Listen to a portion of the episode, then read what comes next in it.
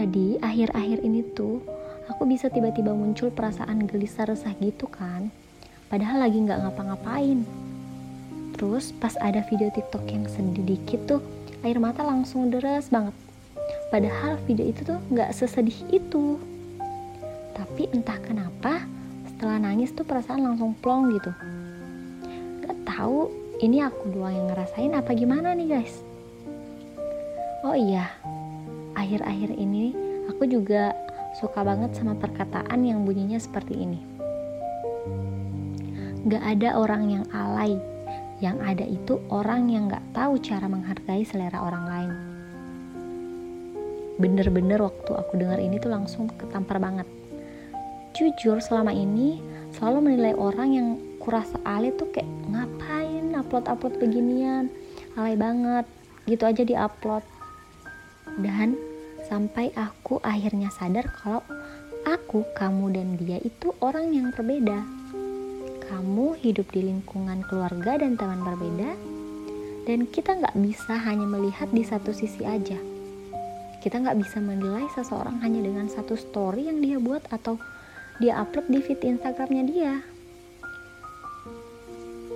Kamu juga nggak tahu bagaimana dia tumbuh dan orang seperti apa yang ada di sekelilingnya.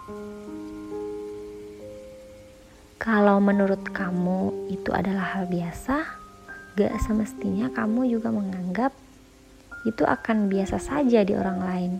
Bisa saja menurut mereka itu sesuatu yang spesial.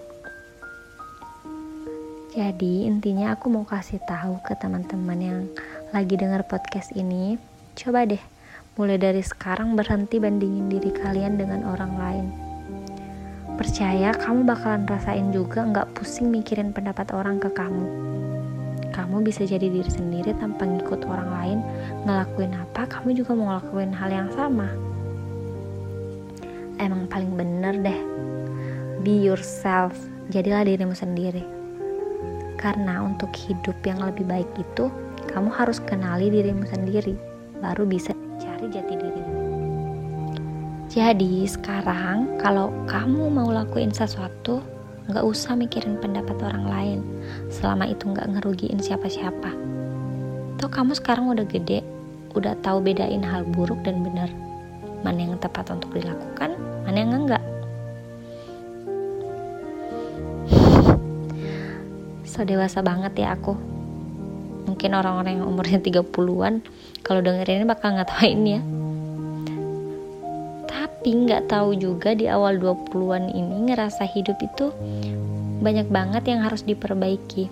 Banyak hal yang terjadi yang sebelum-sebelumnya itu nggak belum pernah kita rasain gitu loh. Contohnya waktu remaja kita ngerasa paling benar.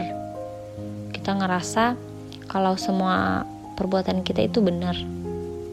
Padahal banyak banget yang perlu diubah. Contoh kecilnya nih kita kita hanya tahu menuntut ke orang tua. Entah itu ada atau nggak ada pokoknya harus deh. Pokoknya harus terwujud. Sekarang kita tahu. Sekarang kita tahu gimana proses mendapatkan sesuatu. Jadi kalau mau minta sesuatu itu ngerasa nggak enak gitu loh. Karena kita tahu nggak ada yang gampang. Semua butuh proses orang tua kita kerja nggak langsung dapat uang apalagi buat kita nih yang punya saudara yang punya saudara banyak.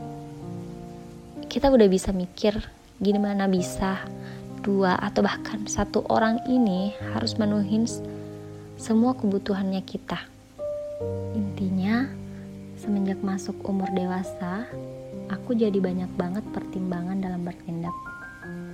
Mungkin nanti kalau kita di umur 30-an atau lebih dewasa lagi, kita juga akan mengetahui kenyataan-kenyataan hidup yang nggak kita tahu di umur kita yang sekarang. Dan kita belum tahu apa hidup kita nanti akan lebih bahagia dari yang kita jalani sekarang. Tapi aku harap dengan dengerin celotehku ini bisa membuat kamu dan orang di sekitar menjadi lebih menghargai kehidupan kita yang sekarang. Dengan fokus untuk menjadi orang yang lebih baik dan bahagia. Kita nggak pernah tahu takdir kita ke depannya bagaimana. entah itu baik atau buruk kita nggak tahu. Tapi mungkin akan lebih baik saat kita melalui hal yang buruk itu kita punya orang-orang baik di samping kita.